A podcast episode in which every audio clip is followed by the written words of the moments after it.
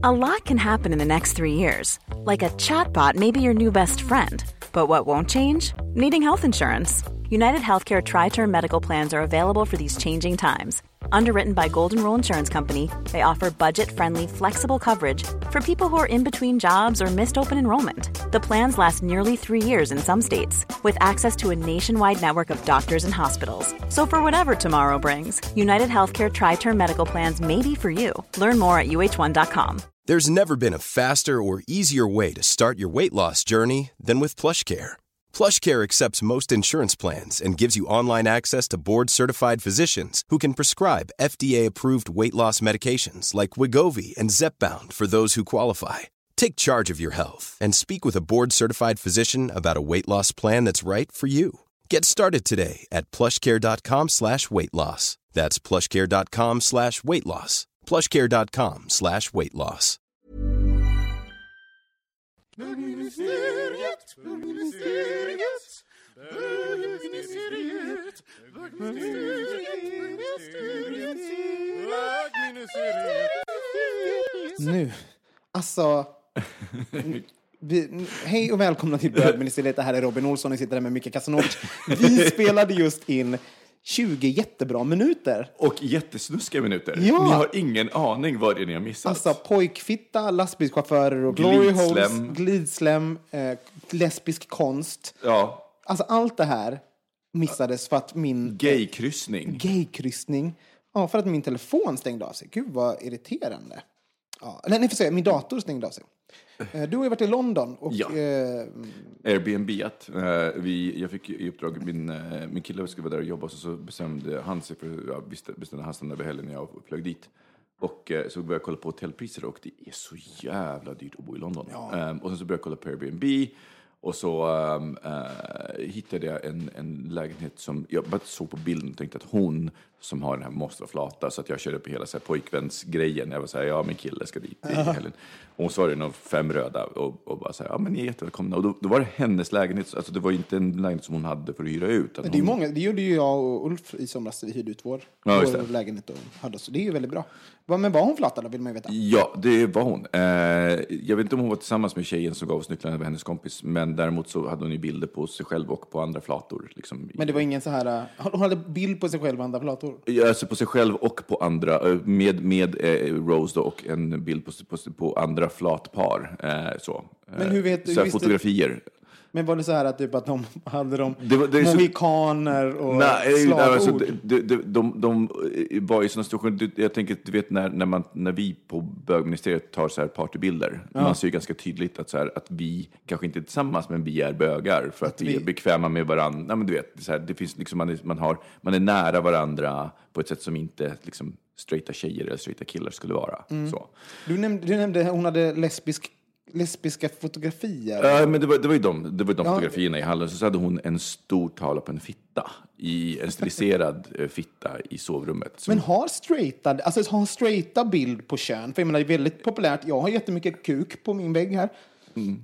Oj, nu rappar jag. Förlåt. Men har... har um, Jag tror, jag tror inte det. Jag tror att det är lite kontroversiellt i hetero... Det är faktiskt ganska intressant. Jag tror att det i heteropar är ganska tr- kontroversiellt. Därför att det är så här, vad, om man har, ska man ha på en fitta eller på en kuk? Ja, vilket ska och vi kuk välja? känns vulgärt och tror jag. Så, så fitta, jag, jag, tror, jag tror faktiskt att det är... Man kan ju ha på en fitt, ja, men det som jag alltid hat, alltså som är väldigt 80-tal, en grej som straighta hade hemma på 80-talet, det var ju de här nakna kropparna som i så här porslin, Ja. svarta och vita män. Också män, de hade oftast, eh, vad heter det, axelvaddar. Oh my god. Ja, ja, ja. Du, men du, de, har, de finns ju, har gjort comeback nu. Jag var på Illums Bolihus och numera så finns de i stjärnteckenformat. dessutom. Mm. så det är så här, na- nakna, nakna eh, välbyggda människor som sitter och sen så ska de st- föreställa stjärntecknen. Så Vattumannen och Jungfrun. Och, Oj, vad mysigt. Det måste vi ha. Gå dit allihopa. vad, eh, jo, och sen så var jag ju på eh, gaykryssning. Ja, den måste ha varit väldigt spännande. Det var jättekul. Men- Alla som, för att om det är någon som lyssnar som jag träff- träffade där, tack så hemskt mycket för att ni gjorde en sån trevlig vistelse. Det var svinkul. Alltså, först, först och främst, bögministeriet måste ju åka på en finlandskryssning och spela in färjepodd. Och då måste vi ha värsta publiken. också Ja, så exakt. Hur ofta går de här gaykryssningarna? Jag tror det går en eller två gånger per år.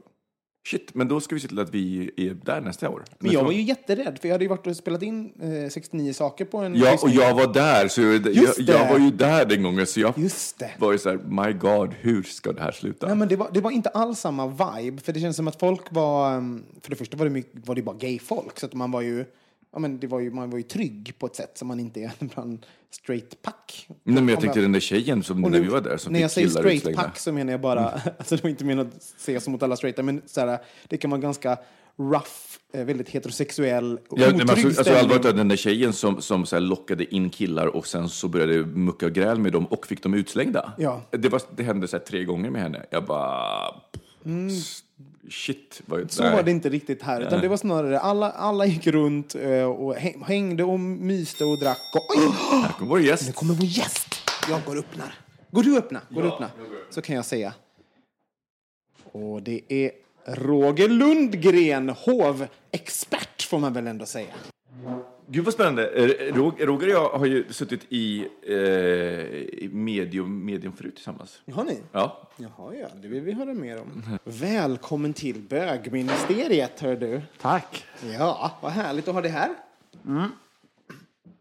Vad, eh, du hade... mm, eh, Roger Lundgren, vi kan ju börja säga att du är ju den person man mest ser i medier när det kommer till eh, kungligheter och hov och så vidare. Och så vidare. Det stämmer. Ja, och sen så har du släppt en bok. Ja. Vad heter den? ja, det är min tredje bok faktiskt. Det här är en bok som jag har gjort med anledning av drottningens 70-årsdag. Mm. Den heter Drottning Silvia, en jubileumsbok. Shit. Och igår var det fest Igår var det stort, stort kalas. för att ni släppte boken. Ja. Shit, hur, hur gick eh, releasen så att säga? Ja, alltså vi har haft liksom två modeller av release. Den första hade vi för ett par veckor sedan. Där vi hade ett seminarium om kvinnors ledarskap med drottningen på Grand Hotel. Jaha. Och nu igår hade vi sånt ett vanligt kändisjippo då, med 250 gäster. Kom det några kul? Igår? Ja. ja, vi hade en jättebra gästlista. Allt från Carola Häggkvist till Christer Fuglesang till Bernadottare och allt möjligt så här. Släkt, diverse släktingar till kungen. Vem var fullast? Det var nog jag. Hur är det egentligen när man har skrivit någonting och man gör en, en release på det sättet? Hur, hur uppvaktad blir man på sin egen fest? väldigt mycket. Ja. Väldigt, väldigt mycket. Man blir väldigt rörd av att det är så många människor som, som bryr sig om en såklart. Men folk har ju inte hunnit läsa boken. Nej, det är väl typ att de gillar mig. Ja.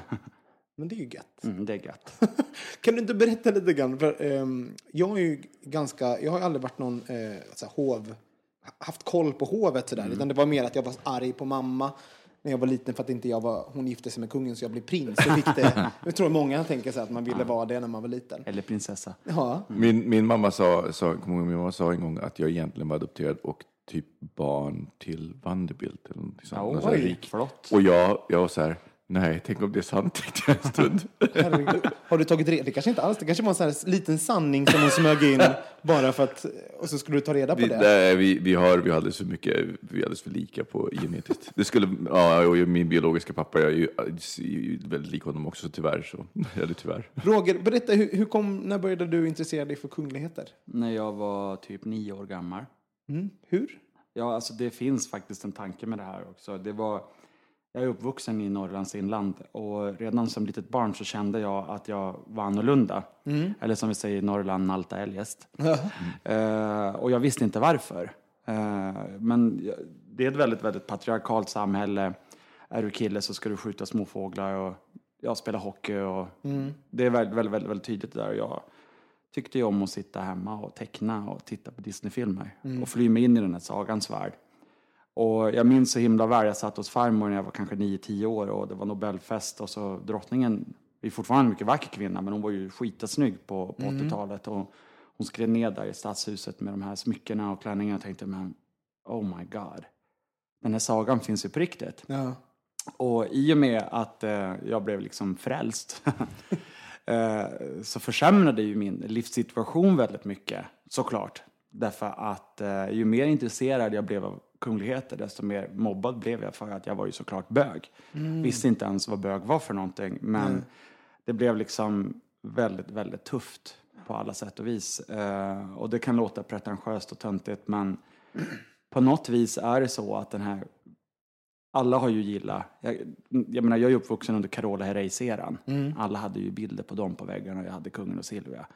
Eh, och det är klart att det är väldigt speciellt att man då idag har dels har en relation med dem men också att man eh, kan försörja sig på ens intresse. Det är ju en enorm förmån. Ja, verkligen. Och, men dolde du då när du upptäckte att, att det här, det är inte riktigt okej för en ung kille att tycka om liksom, Silvia och kungligheter. Försökte du dö- dölja ditt intresse? Tvärtom, jag klädde ut mig till henne i festtåget när jag var 11 år gammal. Men hur togs det att, ja, man får ju skylla sig själv kanske ibland. Nej, men jag har aldrig döljt eller försökt gömma mig från den jag har varit. Och det är väl det som retar gallfeber på väldigt mycket folk. Det gör det än idag. Hur Man får, ju, man får ju inte sticka ut i Sverige, så är det ju. Hur reagerade du då när de, när de eh, alltså, så mobbade dig då för, Mm. för det här? Vad var din reaktion på det? Och det där är en jättebra fråga som jag har diskuterat med många av mina psykologer. Eh, Men jag, jag har ju en känsla av, eh, mycket av min barndom är förknippat med rädsla. Det tror jag alla som har varit mobbad känner, det här, att det finns obehag. Eh, Jag kan fortfarande känna det när, om, om jag går in i min gamla skola, att fan vad mycket dåliga minnen man har härifrån. Ja, usch, jag känner igen mig i det där. Du gör jag har det? också gjort det. det Och, och, och man, känner, man kan känna lukten, man kan höra ljuden och just den här rädslan av att gud, kommer någon att slänga en snöboll på mig idag? Eller, du Mm. vet, det var, eller någon ska säga någonting. Och just den känslan har varit jävligt jobbig. Och på något vis är det väl så att det här jag gör idag har varit liksom ett fuck you-finger till alla som har faktiskt har kränkt mig. Mm. Att visa, titta vad jag kunde. Har du fått reaktioner av Ja, det är folk ju som... hela tiden. Folk som maddar mig på Facebook och sådär. Låter du, addar du dem tillbaka? Alltså, Ja, jo, men jag gör gärna det. Mm. Eh, nog för att jag är bitter, det är jag. men vad vore man för bög om man inte vore bitter? men jag tycker att man kan bjussa lite på det där och faktiskt förstå att saker och ting är på ett visst sätt. Men, men det är intressant, för, uh, tror du att du hade varit lika framgångsrik om du inte hade varit mobbad? Nej, det tror jag inte. Därför att allt det jag har gått igenom i livet har gjort mig till den jag är idag. Så är det med oss alla människor. Eh, men, och, men grejen är den, och det, det måste jag också vara tydlig med att säga det, att för jag jobbade ju med Victorias bröllop åt SVT. Jag gör väldigt mycket åt SVT, kommenterar deras bröllop och begravningar och allt sånt där när det händer något i kungafamiljen. Och då skulle de göra en nyårsrevy då, som är väldigt populärt så här ute på vischan hemma. Och det var en sketch eh, var att jag var med och eftersom jag hade kommenterat bröllopet så skulle jag kommentera Victoria och Daniels bröllopsnatt. Vilket på pappret är en sjukt rolig idé tycker jag. Eh, men jag, min mamma och pappa hade varit och sett den här, den här revyn och eh, sketchen går ut på att det är liksom en karl i 50-årsåldern som imiterar mig. Så gammal är jag inte. som kommer ut i ett par högklackade skor. För ni vet, det har ju såklart alla bögar. Och det enda sketchen gick ut på var att jag ville bli knullad av Daniel Wessling. nej. Och då tänkte jag så här att, nej vet du nu jävlar. Hur jävlar räcker det liksom? Och satte ner foten ordentligt, skrev ett öppet brev i lokaltidningen Norra Västerbotten hemma att vet ni vad, på vissa sätt kan jag vara en offentlig person. För att jag gör det jag gör. Och folk vet vem jag är och har synpunkter på det. Många har synpunkter på kungahuset. Har synpunkter på mig, hur jag jobbar. Men det där har ni faktiskt inte något med att göra. Eh, och jag har tagit så jävla mycket skit. Och tänk på det också att när ni kränker mig på det sättet, för det gjorde ni, så kränker ni inte bara mina anhöriga, utan ni kanske kränker era egna ungar, era egna släktingar, era egna grannar. Fast det är inte så att vi homosexuella är liksom typ en liten, inte all från planeten Mellmark. Vi finns liksom. Fick var- du reaktioner på, eh, från den insändaren? Ja, det fick jag. Väldigt mycket homofobi, såklart. Väldigt mycket jantelag. Vem fan tror du att du är? Du är mediakåt. Men alltså, hade jag velat gjort ett nummer av det hade jag gått till Aftonbladet, era töntar liksom. Eh, Men jag kände att det var viktigt att sätta ner foten. Men det som faktiskt var så jävla fantastiskt var det att efter jag hade gjort det så var det två killar hemifrån som är i 15-årsåldern som addade mig på fejan och skrev tack. För de är självbögar. Och jag såg upp för dem. Och det, då är det ju värt det. Men jag tycker det är viktigt att man inte ska ta skit i varje fall.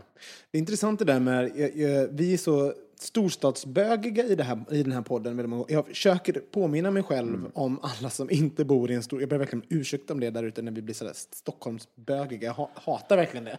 Men det, är så, det handlar ju... Man pratar ju oftast utifrån det man ser och är runt om just nu. Och, eh, Ja, men, jag, jag, precis, jag, tänker jag, jag tycker det är jättesvårt att förhålla mig till det för att jag är ju medveten om vilken bubbla och lyxbubbla jag lever i som i- har förmånen att ofta så här, glömma bort att jag, att jag inte ens behöver komma ut längre. Alltså, att det här med att, med att komma ut har blivit liksom så integrerat och jag är så öppen att jag inte behöver göra det. Men, men det är så sjukt fantastiskt lyxigt.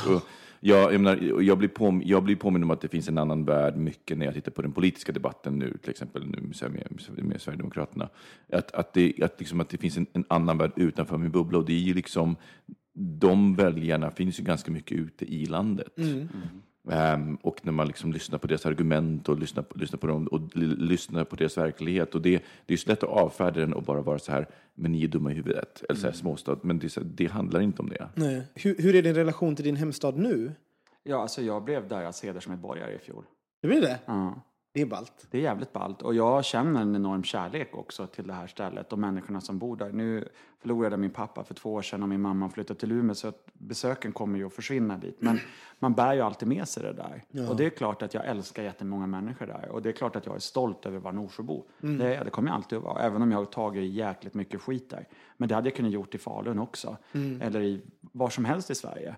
Eh, och... ehm, man är ju där man är därför att man, som, som jag sa tidigare, att man, man har gått igenom saker och ting och ens hembygd är ju också, även om det var tufft, ens trygghet. Det känns som att du har, eh, när jag har sett dig i medier och så, eh, och så vidare på tv och sånt. Det känns som att du har, du har fått tillgång till en miljö som är väldigt få förunnat. Hur var det att, att stiga in i den miljön första gången?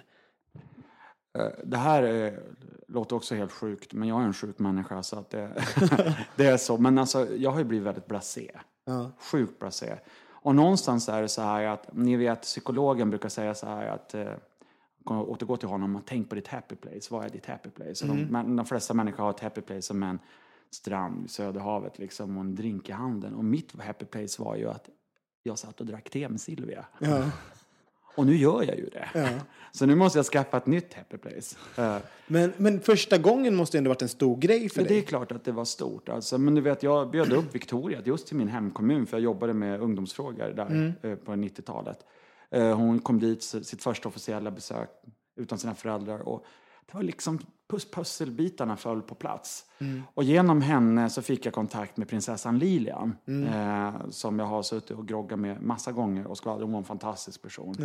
Och faghag number one, verkligen. Var det så? Ja, hon umgicks bara med bögar. Nej, vad roligt. Ja, men hon var verkligen toppen alltså. Eh, så att på så vis har jag, har jag liksom lärt känna olika personer runt om i Men den vänta, här var, var, det så, var det så du alltså kom in liksom på, på att jobba med kungahuset spåret? Var det ja, det som alltså var... jag ska ärligt säga det att på en, eh, jag pluggade i Umeå för en drygt tio år sedan och läste statsvetenskap och fokuserade just då på det här varför vi har monarki kvar i de här moderna demokratiska samhällen. För ja, det är klart att det är skitakonstigt och det är demokratiskt principiellt sett fel att ha en monarki, visst är det så. Men det är ju det som också gör att folk gillar det, att det finns något annat än bara den trista politiken.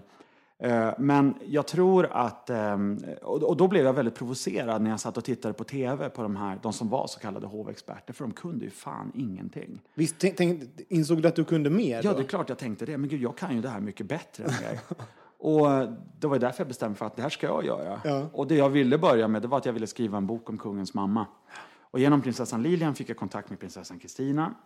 Och vi satt och snackade och då sa hon, ja, jag ska prata med Carl Gustav, det här är en bra idé. Och kungen gav tummen upp och på den vägen var det. Shit. Och, och då måste du fått med, börjat med mer frekventa besök i, i dessa miljöerna. Såklart. Och Mm. eh, hade din bild av hur dessa människorna var, alltså Carl Gustav och, och Silvia och Lilian och allt. Du måste ha haft en bild innan och en bild när du träffade dem. Mm. Kan du, hur möttes dina förväntningar och vad var skillnaden? Ja, men de, på något vis så stämmer, jag tycker media, alltså det är klart att alla offentliga personer har en, ett yttre skal och en inre kärna, så är det ju. För annars skulle man inte klara av det där, för det är jäkligt tufft att alltid vara i händelsernas centrum, att alltid bli observerad och iakttagen.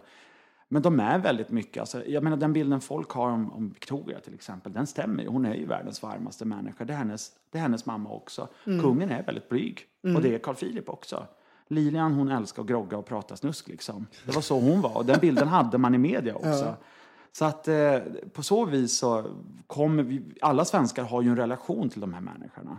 Eh, och och jag ska ju också vara väldigt tydlig med att säga det att jag är ju inte vän med dem. Absolut inte. Vi har en yrkesrelation. Och vi respekterar varandra och samarbetar bra. Men jag, jag, jag hänger ju inte på fredagsmys på Drottningholm på kvällarna. Det gör jag ju inte. Men du, vad, vad, för jag, jag har alltid undrat över en sak och det är ju det här, man tilltar ju, man säger ju liksom inte Carl Gustav, Carl Gustav eh, utan man, man eh, pratar ju med honom som Ers Majestät i, i offentliga sammanhang. Men, men när du sitter till exempel i ett möte och ni skulle planera boken, s- det blir ju så yxigt att säga har Ers Majestät, är det så man sitter och pratar? Ja, nu är jag så här att jag älskar ju att titulera. Prinsessan Kristina sa till mig en gång, alltså Roger, jag heter Kristina. Och jag bara, nej prinsessan, hon bara, skyll dig själv. Jag går ju igång på det här liksom. Förstår du? Men, men när det gäller tilltalet, jag hade ett snack med kronprinsessan om det där en gång och hon sa så här, det är klart att vi inte blir sura om någon säger du till oss, självklart inte. Men sa hon, nio miljoner svenskar har en relation med mig som kronprinsessa. De känner ju inte mig som människa. Och då är det skönt att de som säger Victoria, det är mina polare. Och de andra tilltalar mitt, alltså mitt jobb, om man ska kalla det för det. Men, men så har ju den, det problemet har ju alla offentliga personer. Det vore ju absurt om man sa till eh, Malena Ernman, "O- om operasångerskan kommer hit, skulle operasångerskan vilja ha en kopp kaffe? Men det är samma sak med presidenter. Vet du. du får inte dua en president heller. Man säger ju alltid Mr President eller excellens i andra länder. Va? Så det här är liksom ett internationell kutym som man följer. Men det är skönt ändå att de inte, för jag, jag hade nog, eh, inte av eh, orespekt att jag inte hade velat, jag hade glömt av det. Jag vet att jag hade gjort det. Ja, ja. För att jag, här- Jag, jag har ju sagt du flera gånger också. Det är klart de inte bryr sig. Nej. Men kungen och drottningen, de tilltalar ju mig med Roger. De säger aldrig du till mig. De säger har Roger läst den boken? Och jag bara säger det är lite coolt. Jag ska bara prata med mig själv i tredje person. Nej, men det, det är lite fint. Det är väldigt respektfullt. Du måste, man känner sig lite mer... Eh, vill, vill Robin ha en kopp kaffe? Alltså, jag, jag hade blivit... Ja men, jo, men tacka för en sån fråga. Jag tar lite kaffe. Då blir man lite glad över det. Ehm, vem förvånade dig mest i kungafamiljen då? Ehm, som, när du träffade dem?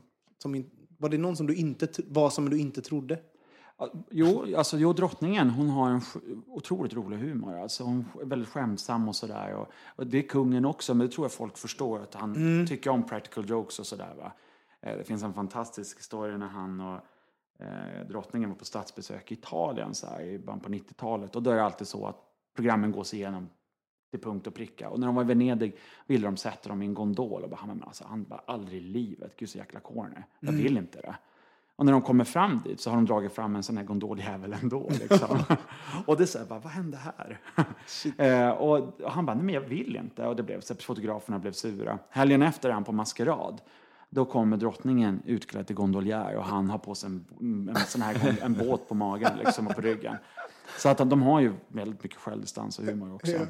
Gud, det bara slog mig. Hur, hur trött är du på att prata? Här, här bjuder vi in dig och så måste du sitta och prata om kungafamiljen. Hur trött är du på att prata om dem?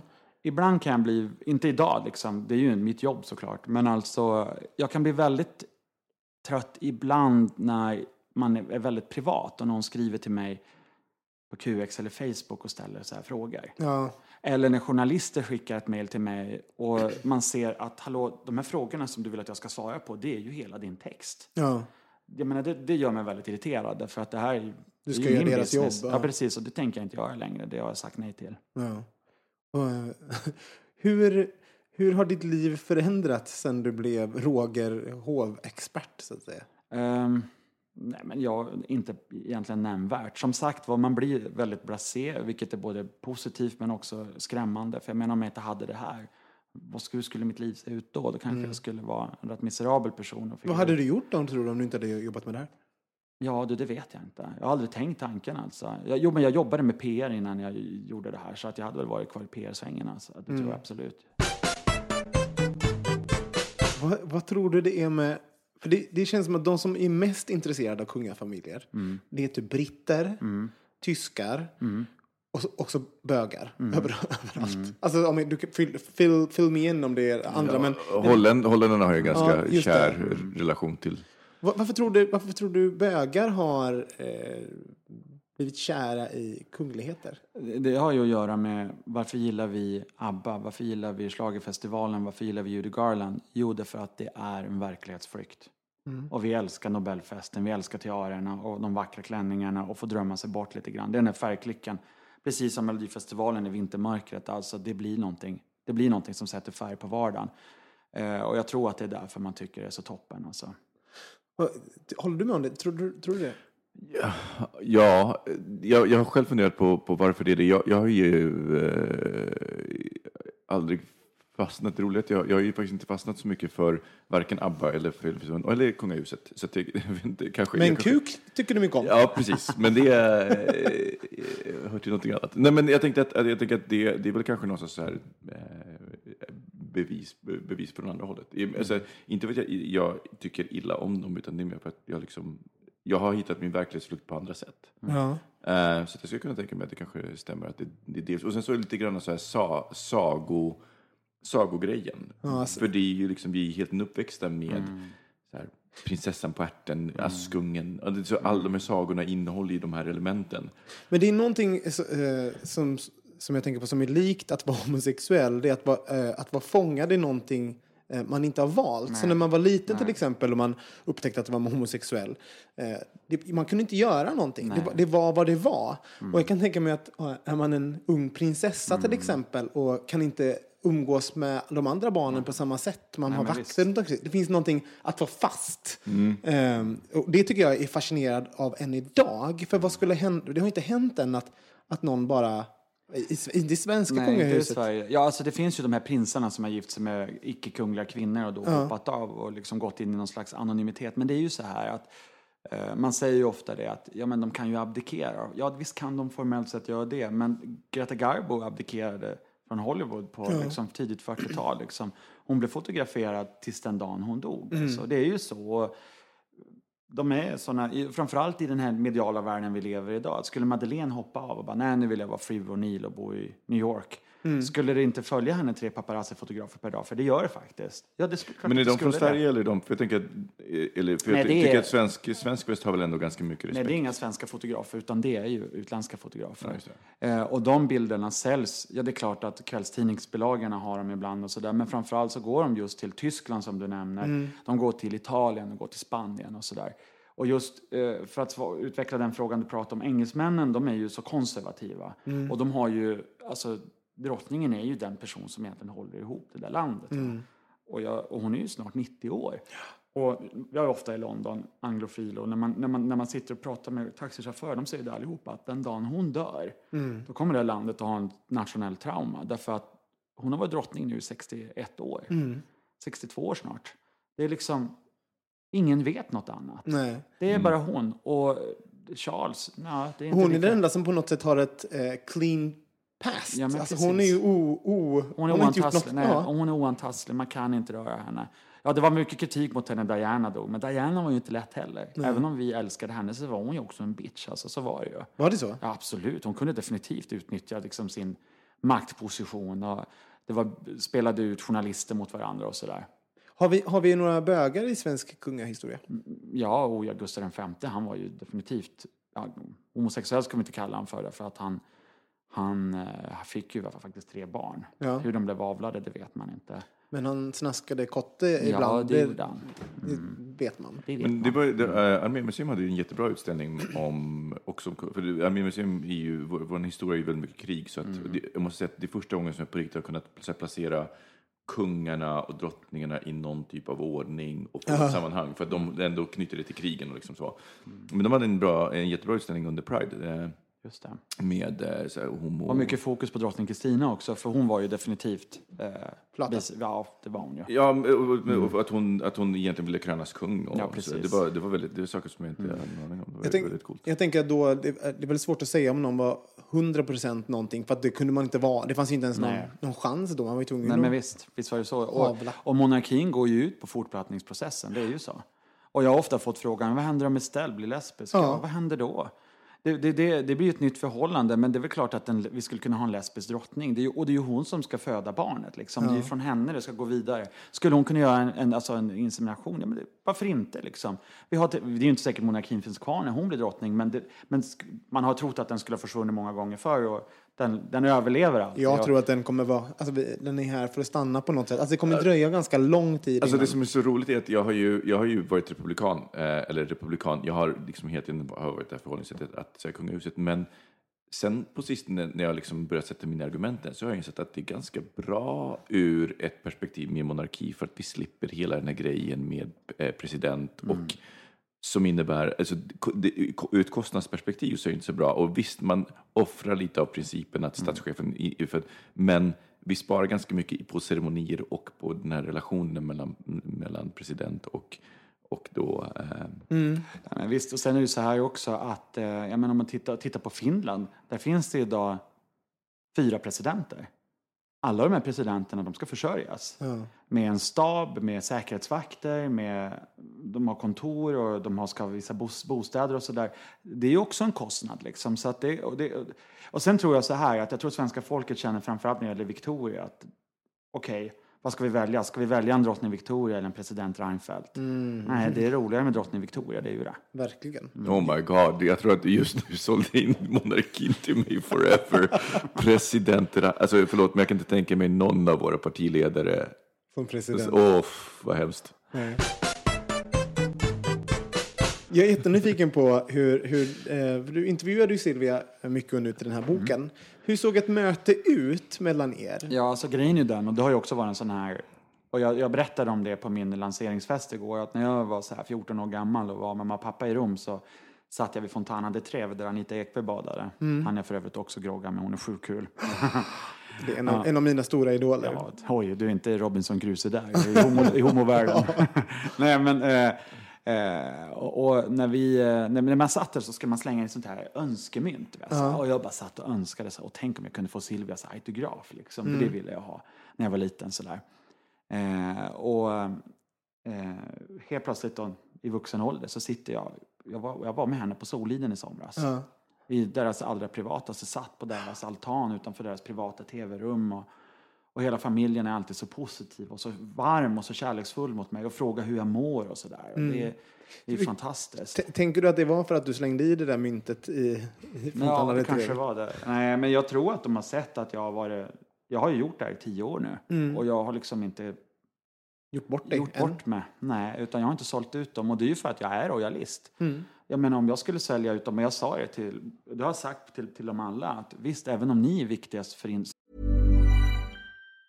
This Mother's Day, celebrate the extraordinary women in your life with a heartfelt gift from Blue Nile. Whether it's for your mom, a mother figure, or yourself as a mom, find that perfect piece to express your love and appreciation. Explore Blue Nile's exquisite pearls and mesmerizing gemstones that she's sure to love. Enjoy fast shipping options like guaranteed free shipping and returns. Make this Mother's Day unforgettable with a piece from Blue Nile. Right now, get up to 50% off at BlueNile.com. That's BlueNile.com. Many of us have those stubborn pounds that seem impossible to lose, no matter how good we eat or how hard we work out. My solution is PlushCare. PlushCare is a leading telehealth provider with doctors who are there for you day and night to partner with you in your weight loss journey. They can prescribe FDA-approved weight loss medications like Wagovi and Zepbound for those who qualify. Plus, they accept most insurance plans. To get started, visit plushcare.com slash weight loss. That's plushcare.com slash weight loss. Planning for your next trip? Elevate your travel style with Quince. Quince has all the jet setting essentials you'll want for your next getaway, like European linen, premium luggage options, buttery soft Italian leather bags, and so much more. And is all priced at 50 to 80% less than similar brands. Plus, Quince only works with factories that use safe and ethical manufacturing practices. Pack your bags with high-quality essentials you'll be wearing for vacations to come with Quince. Go to quince.com slash pack for free shipping and 365-day returns. som individer för mig så är det ju monarkin som jag jobbar för. Och det tror jag de tycker är rätt skönt. Hur, men hur var det då? Du, du träffade Silvia, eh, ni, du intervjuade henne några gånger nu i den här boken. V- vad- vad händer? Kan du typ walk us through ett möte med Silvia? Nej men alltså vi, vi, vi har ju fått en relation där vi pratar om alltså allt. Vad som händer i media och liksom hur, hur man tänker och hur man bör förhålla sig. Jag är väldigt fräck och ger dem råd också. Liksom. Det kanske man inte ska göra. Men, jag, men jag, jag tycker det är viktigt att, att man kan prata om sånt. Liksom. Eh, men, men och, det är väldigt enkelt. Liksom. Det, man sitter, man fikar. Eh, Men jag tänker, är det, är det, träffas ni på Drottningholm eller träffas ni på... ja, vi har träffats överallt. På Drottningholm, på slottet, på Soliden och sådär. Så att, Vem eh, häller upp, om ni ska dricka kaffe till exempel, kan, kan Silvia så häller, häller hon upp kaffe? Ja, det är klart hon gör. Herregud. Så- Och, och, och, och, kan, kan, du, kan ni vara fräck? Frågar hon privata frågor till dig? Och... Ja, alltså jo det gör hon. Men, jag menar, men hon också varit, när min pappa dog så gav hon mig en kram till exempel. Jag menar, det, det tycker jag säger en hel del om vår relation. Och jag fick ett fantastiskt brev och en present av henne förra veckan. För hon är så, tycker så mycket om boken och sådär. Så att det, vi har ju en, en varm kontakt. Men jag menar, det beror, jag menar, prins Daniel till exempel, han är ju, han är ju som oss liksom. Ja. Han är ju prins, men han är ju skitaschysst liksom. Och jag frågade honom, jag sa om han hade 40-årskris nu när han fyllde. Nej, men varför ska jag ha det? sa han. Ja, men jag har ju typ hur ålderskris som helst. Han, varför det? sa han. Ja, men jag lever ju samma liv idag som för 20 år sedan. Men, det är ju rätt sorgligt. och det är ju det. Men, men, men, men, men han kan man skämta med på ett helt annat sätt. Va? Men om jag tänker på din bok nu. Du har en relation till dem och du tycker, tycker bra om kungahuset. Är det inte svårt att vara eh, kritisk då? Att ställa de kritiska frågorna, det som man vill, som man vill veta när man inte är royalist? Eh, ja, det är klart att det är det. Men vi har, jag har ställt kritiska frågor till drottningen i den här boken och tagit upp sånt som hon har tyckt har varit jobbigt. Eh, jag frågade henne om motvilja monarken. Jag frågade henne om Elisabeth Olsson Wallins tavla. Jag frågade henne om hennes pappa och nazismen. Och, eh, och vi, vi har haft en öppen dialog och diskussion om det här. Eh, och det vi har tagit med i boken är just det här med hennes pappa. För hon sa det andra, det inte relevant för mig. Så hon. Det är liksom totalt in, ointressant. Så hon kan säga nej. Hon, hon, I vissa saker som, nej men det här är... Nej, nej men hon är tuff. Eh, Jag tror att många, jag fick frågan igår också, vad, vad, vad förvånade mig mest med drottningen det är att hon är så tuff. För hon är en tuff kvinna. Jag, jag tror att man måste vara det. Alltså det är sådär, eh, nu är inte jag eh, intervjuer på samma sätt sådär, men, men jag har ju även, när jag, om jag pratar med journalister och sånt, så har jag ju regler för vad jag vill prata om och inte vill prata om. Jag pratar inte om mig och min pojkvän till exempel. För jag tycker det, ja, men det, någon, det är så lätt att man babblar på också. Men någon sån intervjuad person som Silvia måste ju, alltså hon måste ju verkligen ha regler för sig själv för att Ja, inte visst. känna Och sen är det det här att kungafamiljen är inte idoldeltagare eller politiker. De måste ha en viss distans för att leva den här sagovärlden som vi vill ha. De kan liksom inte bli för personliga heller. Den här distansen är jätteviktig. Det finns ju kungar och drottningar i Europa som aldrig någonsin har gett en intervju. Ja. Shit, vad, vad Elisabeth har aldrig gjort det. Spanska kungen ger inga intervjuer. Holländska före drottning Beatrix gav inte intervjuer. Så att Nej. familj, eller de nordiska familjerna har ju en väldigt öppen relation. Eh, Och jag var nere, jag blev själv, det är faktiskt jäkligt kul, för jag har en tidning som heter Kungliga Magasinet. Och för någon månad sedan var jag nere i Danmark hos drottning Margrethe därför att hon bjöd in mig. Jag hade inte ens liksom bett om att få träffa henne utan hennes sekreterare ringde mig och frågade om drottningen, om jag, om jag kunde tänka mig att träffa drottningen för hon ville prata med mig. Hon tyckte så mycket om tidningen och ville prata om sin morfar, det var vår gamle kung Gustav VI Adolf. Och jag bara, gud hon får prata om Mariekex om hon vill. det är klart att jag åker ner, hon är en sån här supercool kvinna. Alltså, jag tror också en ikon för väldigt många människor. Men sa det, skulle du kunna säga det? För, för jag önskar ju att man, att man skriver precis de där orden. Kan, kan jag få prata om min pappa? Du kan få prata om Mariekex om du vill, det spelar ingen roll. Fast jag tror också att det är därför de tycker jag är så jäkla kul. Därför att jag, är, jag gör mig inte till. Nej. Jag, jag håller som sagt på tilltalet därför jag går igång på det. Eh, det är synd att inte vi killar kan hovniga. Men jag bugar djupt, jag, bugar djupt, jag kysser hand liksom. Men, men, men... eh, Det är så onani för dig. På Ja, sätt. det är ju det. Det här är ju porr för mig. Visst är det så. Men, men, men eh, jag vet, jag och kungen satt och pratade en gång, det var just om boken om hans mamma, då han säger så här till mig. Jag sa, kommer kungen ihåg hur det var den där året då mamma dog? Han bara, så, det här kommer låta jättehemskt, sa han. Jag var, jag, har- eh, mor, farfar dog året därpå. Och då blev jag kung 27 år gammal. Så att de här åren har liksom flytt ihop för mig. Eh, så att jag har faktiskt inte riktigt koll, sa han. Ehm, men jag sa, jag vet ju vad kungen gjorde. Han bara, ja vadå då? Ja men kungen var i London på praktik på Handelskammaren och på Hambros Bank. Ja. Och han bara, men herregud, sa han, Roger kan så mycket. Och varför kan Roger så mycket? Vadå, jag svarade på en gång, ja, så alla våra sjuka och störda intressen, Ers Majestät. Och då börjar han ju gapflabba därför att han tycker det är skönt. Och jag tror att de tycker det är skönt att jag är påläst och tycker det är kul och inte sitter och slickar på parkettgolvet framför dem. För vem gillar det liksom? Hur hade du, eh, om, tänk, tänk, mycket, tänk om du var du och sen så hade du någon som Roger som var jätteintresserad av ditt liv. Hur hade du känt på det? Eh, Om jag var en publik, eh, om jag var en publikperson. Alltså, men grejen är, jag, jag har ju... Jag, jag levde ju, 2008 så levde jag med en kamera hemma. Ja. Eh, under FRA-debatten. Just det, eh, Roger, det här är roligt. Ber, berätta bara så du vet. så, så ville jag visa poängen just det här med att eh, hela debatten var så att har man rent mjöl i påsen så behöver man inte oroa sig för avlyssning, vilket nu, övervakning, vilket nu är högaktuellt. Och eh, 2008 så var det omröstning och eh, innan omröstningen så ville jag göra någon typ av kampanj, så då eh, levde jag med kamera hemma dygnet runt. Jag bodde i en etta och så hade jag en kamera som folk kunde styra själva. Så de streamade alltså ut Så det var hela ljud, hans ljud och liv bild på nätet? ut på internet och sen så var det, så det var mycket ungdomar som hängde, väldigt mycket ungdomar som hängde där och så pratade jag med dem och de bara så här, vad fan gör det här för? Jag sa, men det är, det är liksom det här som är konsekvensen av att prata om att man har ingenting att dölja, att då borde alla vara fine med det här. Ehm, och sen så var det ett intressant experiment för mig själv också, för jag säga, vad händer när man är övervakad dygnet runt? Vad, Eh, vad hände då? Ja, men, alltså, det läskiga var hur snabbt det blev normaliserat. Mm. Att det här att så här, men det är någon som tittar på mig, men, men, men det är någon anonym. Och jag, eh, först så regisserade jag mig, och det roliga var vad jag regisserade. Jag typ regisserade bort när jag, jag kan inte äta en hel Ben Jerrys, då kommer jag tro att jag är bulimiker. eller eller liksom, det var den typen av grej, för jag fortsatte ju liksom sova näck. Det var ju inte liksom Men det är kul vilka, vilka konstiga saker som eh, fokuseras på. Inte, inte så här typ, folk tittar på mig nu. Herregud, jag äter Ben Jerrys. Exakt, ja, men, exakt den. Men, men då var det en, en eh, kille som, som alltså han, han följde mig väldigt mycket. Ja. Ja, jag skulle vilja säga att vi är vänner idag. Vi har faktiskt aldrig träffats på riktigt. Men han kunde, liksom, han kunde saker om mig. Han, han var läkare och han till och med kunde diagnostisera mig över kameran och säga men du, har nog lunginflammation. Nej. Det var jättehäftigt. Eh, men, eh, och han, han var lite som, och jag måste säga att jag, jag, gill, jag gillar ju honom jätte, jättemycket, trots att vi inte har träffats. Och vi har liksom pratat mycket över nätet och kompisar på Facebook och så. Eh, Jag, jag tror att väldigt mycket beror på inställningen man har till det. Så jag, jag tror jag kan förstå den, den så här, Ja, det, att- inställningen, att- att, det handlar, att det handlar om det. Så länge det inte är hotfullt kan jag väl tänka att det är... Ja, eller, eller så länge inte det, det är creepy. Alltså att, att, det inte, att det inte finns en creepyhet i det, för det kan det kan det ju finnas. Men det, så, som tur är när man är som kung, kungahuset, det är ju liksom på något sätt deras jobb att folk ska bli intresserade av Ja, dem. men såklart. Så, Men, sen, och det, men därför får de ju så mycket sjuka människor efter sig och stalkers. Och de får ju jag efter mig också som ett brev på posten. För kommer de inte åt kungahuset, då ger de sig på mig istället.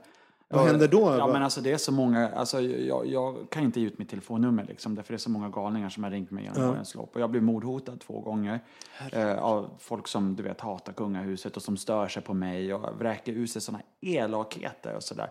Förra veckan var det någon galning som skrev till mig på QX liksom och som skickade bara en, en bild på en giljotin och så skriver han så här att där ska vi stoppa Carl Gustavs huvud, bla bla bla bla. Man bara säger men alltså, sånt här, jag, jag skickar ju vidare sånt där till Säpo, det är klart jag gör det. ja. Vad tror de liksom? Ja. Och då får de polisen efter sig istället. Liksom, grattis, jävla galningar.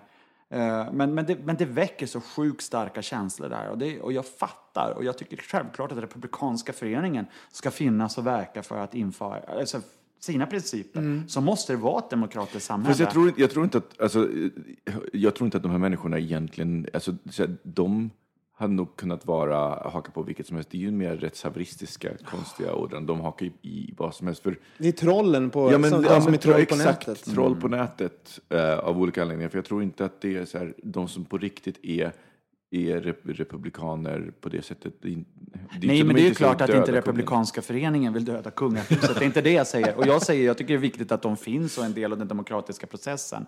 Men det finns galningar både bland royalisterna och republikanerna som flippar ur. Va? Och det här är ju definitivt baksidan med den utveckling vi har med, med sociala medier och sånt där. Att, man, att folk har så lätt att vräka ur sig saker. Men vad, vad, vad är, hur reagerar du då när... när ehm, så du skickar till Säpo, men svarar du dem? Försöker du prata Nej, nej, nej, för det går inte att prata med sådana där människor. Jag bara ignorerar dem. Men är det liksom hot, det är klart att jag vidarebefordrar det. Nu tror inte jag att den här människan skulle göra det, men jag gör det ändå, liksom, för det är en princip jag har. Har du fått ligga någonting för att du, för att du gillar Ja, det är klart. Herregud. det? Ja, men det är väl klart att syns man i media och har en position, det är klart att man får liksom diverse golddiggers efter sig. Nu har jag inga pengar, men jag har möjligheter till andra saker som de tycker är kul att gå på fester och kalas och sådär. Ja. Men jag ligger aldrig liksom, och jag, jag är väldigt bitter. men man får, man får inga könssjukdomar i varje fall, jag brukar säga det. Men eh, då kan vi, de som vill, de som vill gå och dejta Roger kan ju Ja, skriva till bring- bögministeriet. Skicka bring- bring bild, them on. skicka bild och Ja, jag köper grisen i en säcken. liten e-mail. Så länge de andas så är jag nöjd. Jag har hört att det var exakt de orden Silvia sa om eh, Carl Gustaf faktiskt. när de träffades. Men det var, det var det jag hörde.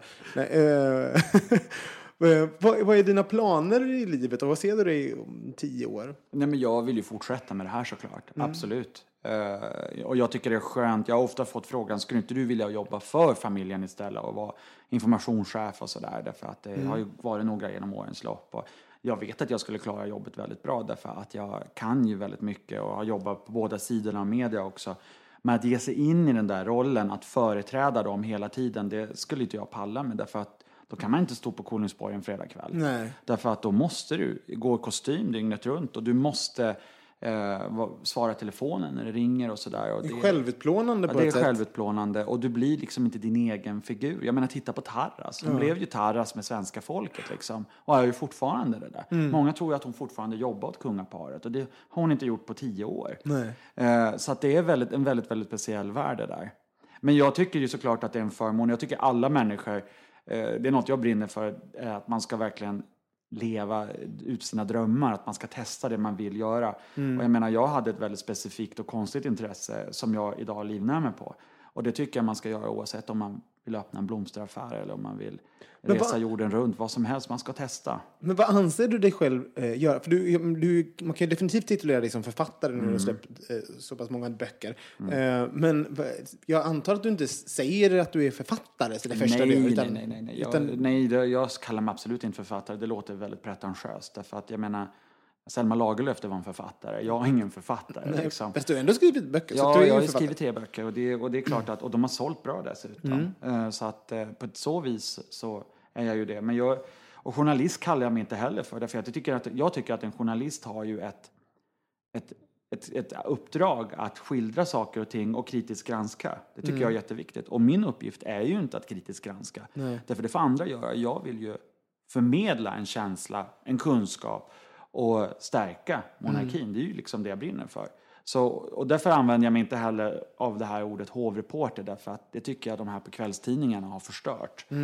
Det är liksom någon som ligger i vassen och spionerar liksom på familjen och det skulle jag aldrig kalla mig för. Så att jag brukar Hovexpert brukar jag kalla mig för ibland och sådär. Sen, men sen gör jag ju då mycket tv och det är väl det som jag tycker är nästa steg på det här liksom. Och hur, hur, hur kan man få in det här i tv, tv-världen? Och nu behöver man ju inte gå på traditionella tv-kanaler längre eftersom folk sitter och tittar på webb-tv istället.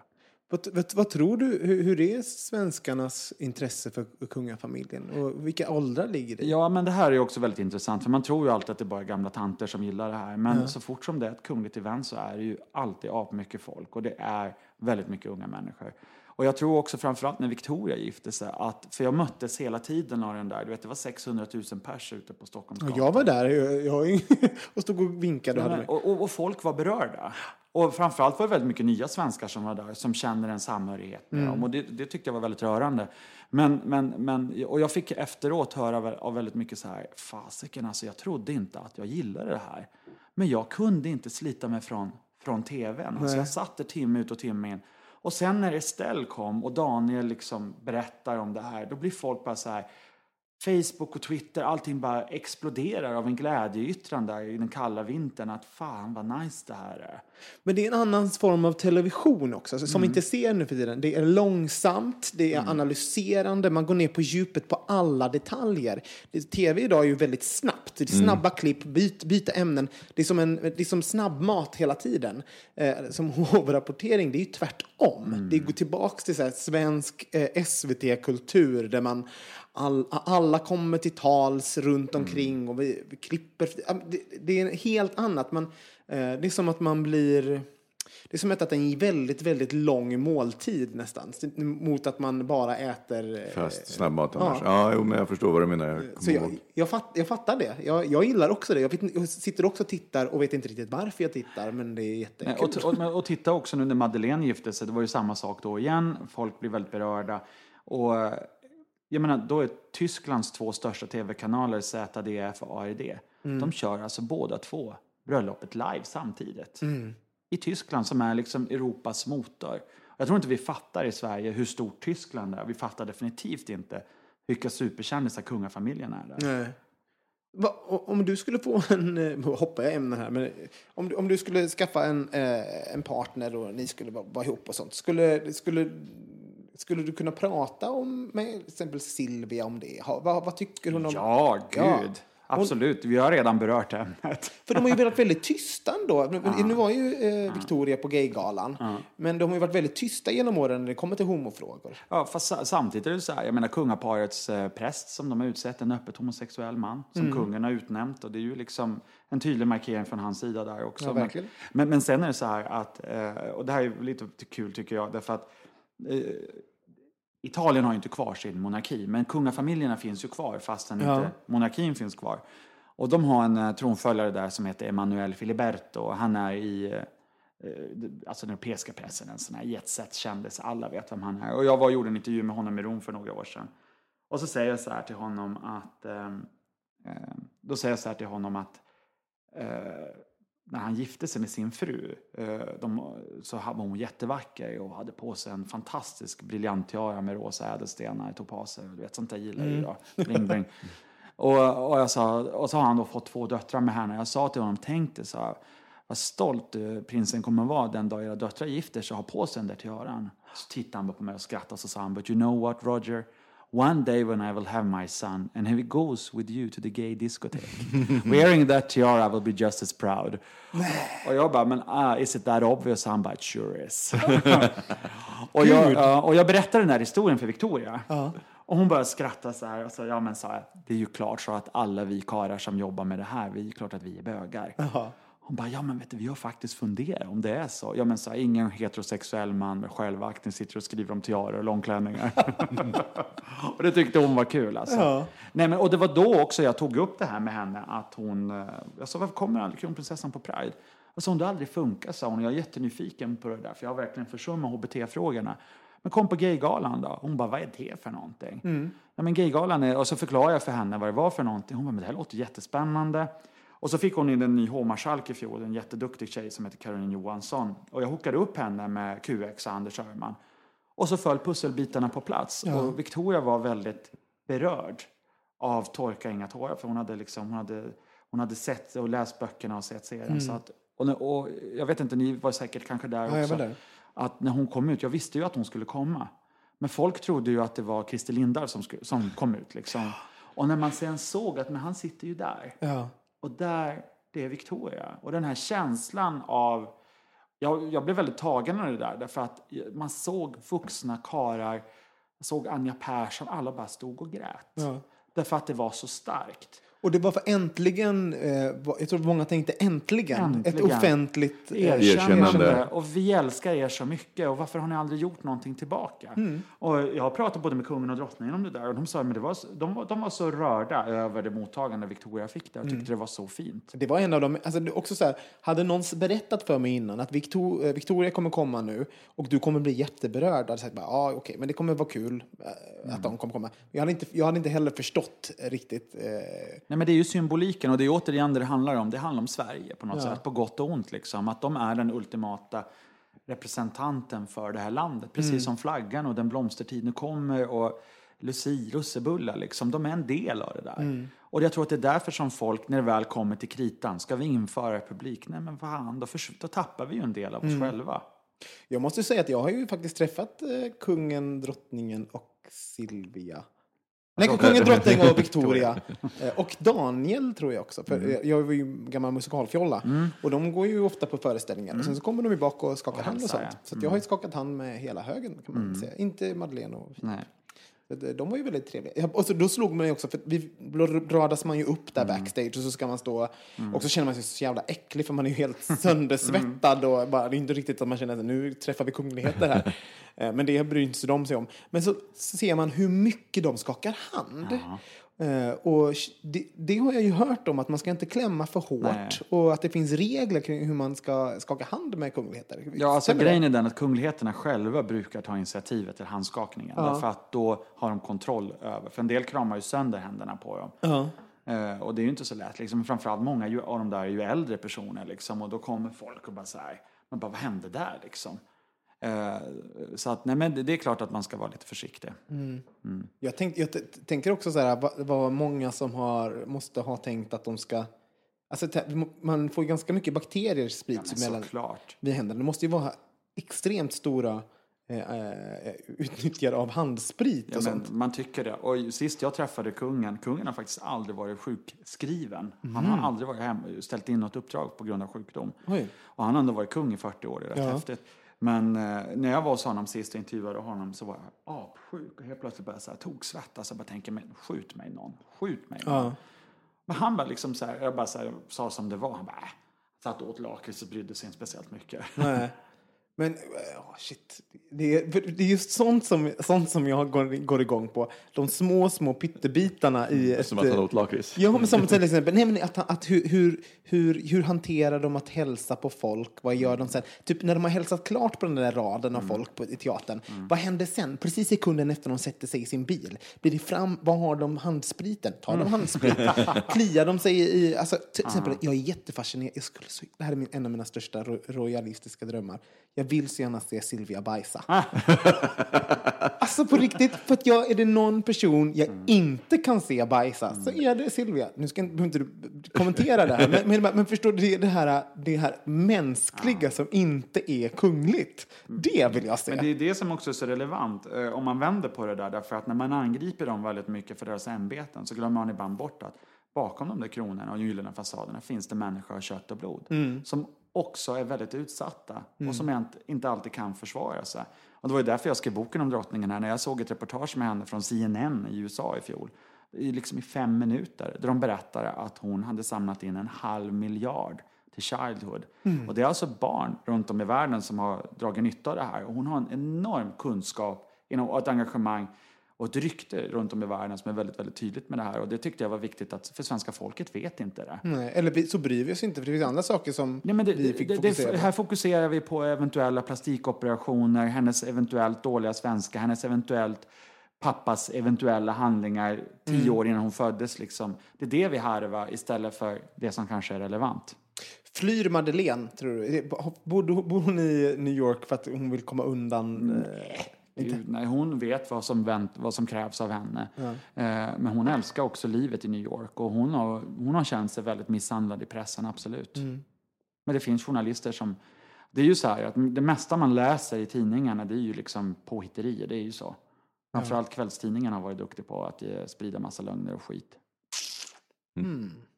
Jag kommer ihåg en gång när enda, min enda eh, kungliga Lassie var när vi, gick i typ fy, trean. Måste, Det måste vara trean för vi hade fortfarande, vi hade fortfarande Naima som lärare.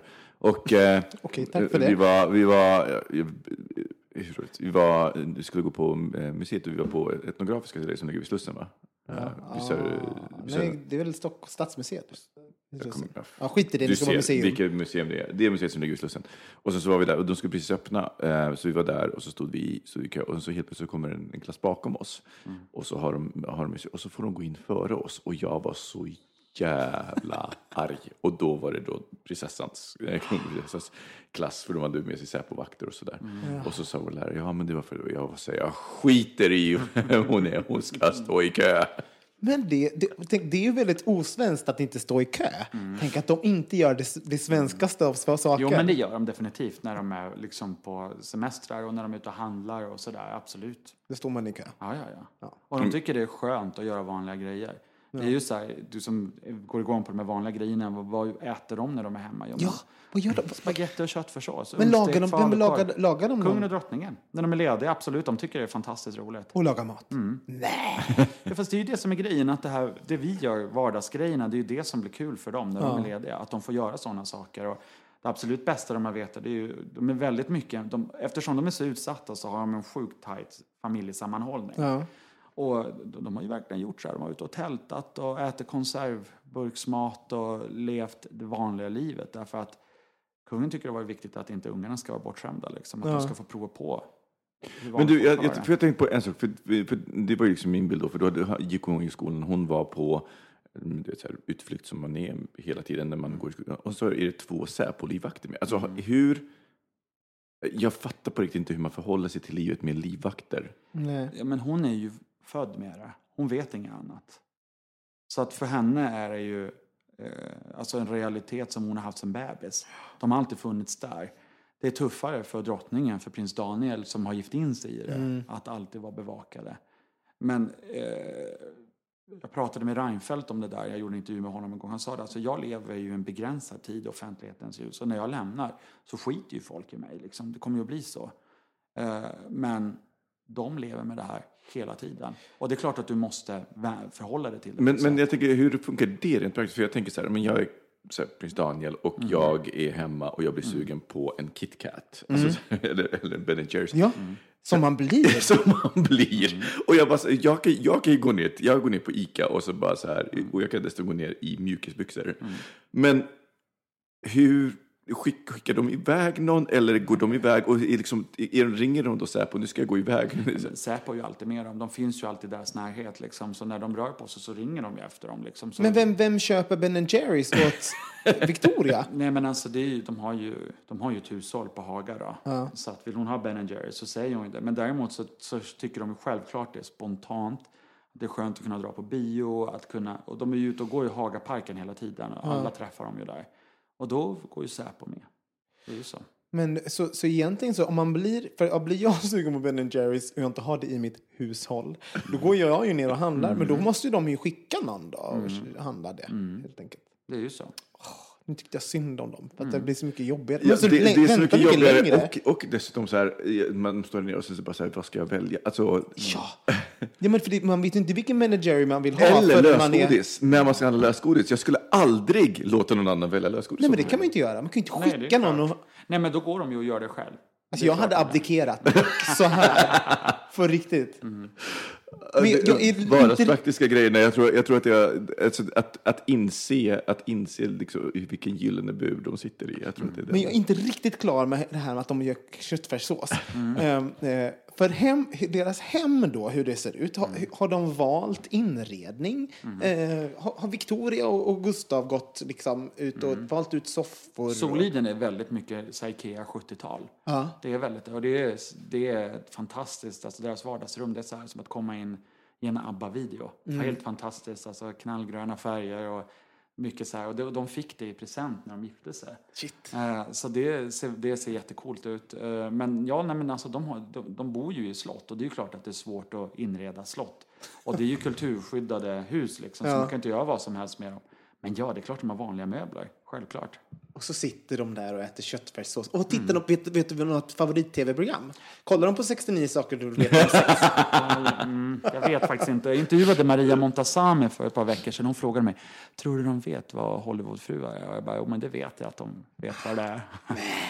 Åh gud, blir hon, blir hon starstruck? Ja, det är klart att de blir. Mm. Herregud. Så, men vet du något tv-program som de, som de tittar på extra? Nej, något? alltså de är väldigt intresserade av... Jag vet att kronprinsessan älskar Melodifestivalen, apropå sådana grejer. För jag, vis, henne. jag visade henne en gång, för jag hade, när jag var hos henne så hade jag en digitalkamera som jag fotade henne. Och så hade jag varit på Melodifestivalen på, innan då, helgen innan, så jag visade henne det här. Åh, har du varit där, sa hon. Jo, så här, åh, kul. Jag sa, så kronprinsessan? Ja, men det är klart jag kollar Melodifestivalen. Så, Det är klart jag gör det. Jag sa, vem var bäst? Och det tror jag säger till dig, säger hon då. Hon, hon är alltid så diplomatisk. Liksom. Då vet hon ju att jag skulle sprida det. Ja, som, ja, ja. jag kan ju vara en skvallerkärring ibland, jag också. Men det är klart, det vill man ju Mm. veta vem de, vem de håller på. Och om de, Det skulle få mig att abdikera. Aldrig få säga vad jag tycker.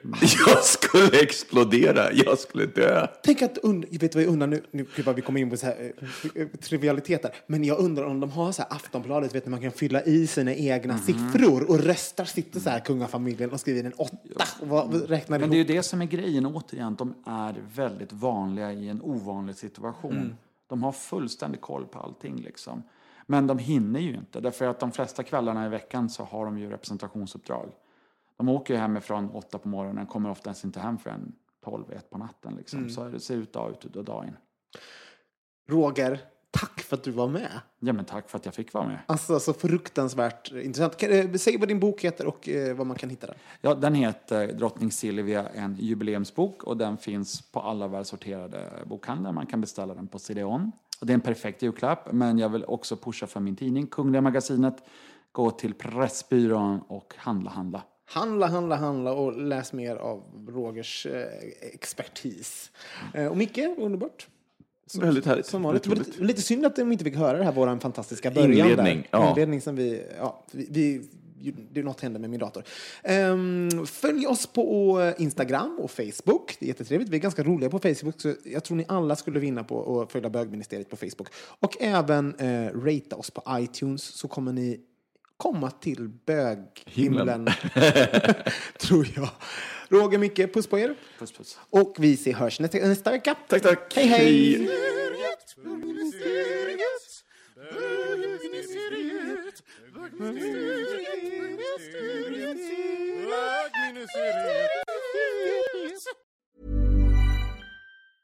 Even when we're on a budget, we still deserve nice things. Quince is a place to scoop up stunning high-end goods for 50 to 80% less than similar brands. They have buttery soft cashmere sweaters starting at $50, luxurious Italian leather bags, and so much more.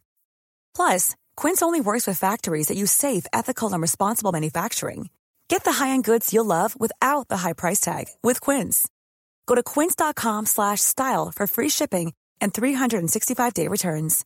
Imagine the softest sheets you've ever felt. Now imagine them getting even softer over time. That's what you'll feel with Bowl and Branch's organic cotton sheets. In a recent customer survey, 96% replied that Bowl and Branch sheets get softer with every wash. Start getting your best night's sleep in these sheets that get softer and softer for years to come. Try their sheets with a 30-night guarantee. Plus, get 15% off your first order at bowlandbranch.com. Code BUTTERY. Exclusions apply. See site for details.